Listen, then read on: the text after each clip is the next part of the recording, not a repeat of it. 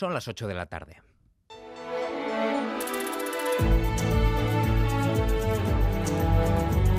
En Radio Euskadi, Gambara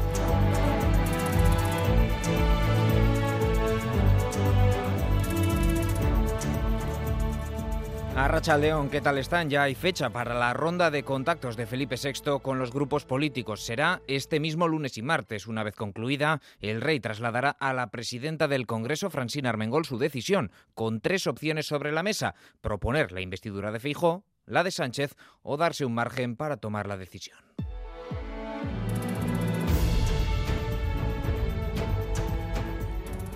Es 18 de agosto, estamos en pleno verano y los termómetros así lo han reflejado, sobre todo en el interior de la vertiente cantábrica. Igorre y Galdacao, con 37 grados y medio, han sido los puntos donde más ha apretado el calor en Euskadi.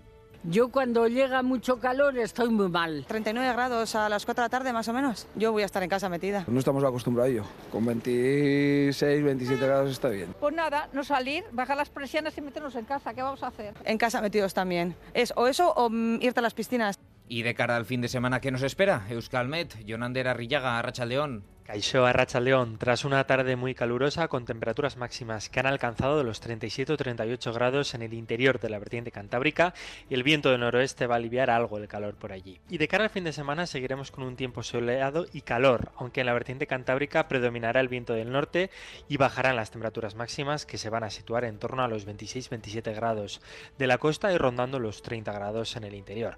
Donde sí va a seguir haciendo calor va a ser en la vertiente mediterránea con temperaturas que localmente superará los 35 grados. Así que el sábado y domingo seguiremos con un tiempo soleado y con mucho calor en el sur, mientras que en la mitad norte el viento norte va a hacer que el calor sea más llevadero. Los avisos amarillos por calor, de hecho, seguirán activos en Álava y en el centro y sur de Navarra tanto el sábado como en domingo.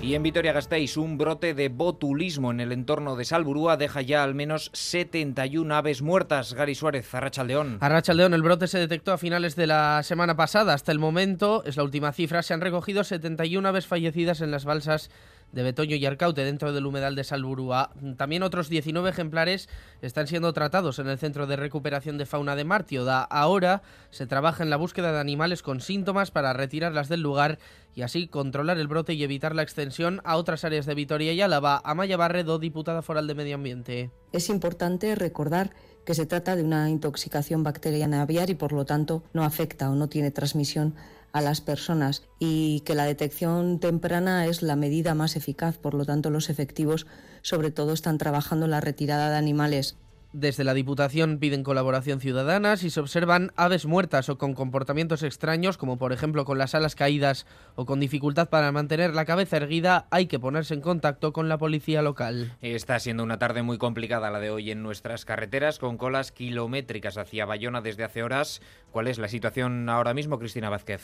Se reducen esas retenciones en la AP8 en el entorno de Viriatu, sentido Bayona. En este momento son siete los kilómetros de retenciones, según la información del Departamento de Seguridad ha sido uno de los puntos con más problemas esta tarde. La caravana ha llegado hasta los 10 kilómetros. En este momento mejora la situación también en la Guipúzcoa 636 en Irún con tráfico denso. Está siendo una tarde con miles de movimientos por carretera. Precaución en los desplazamientos.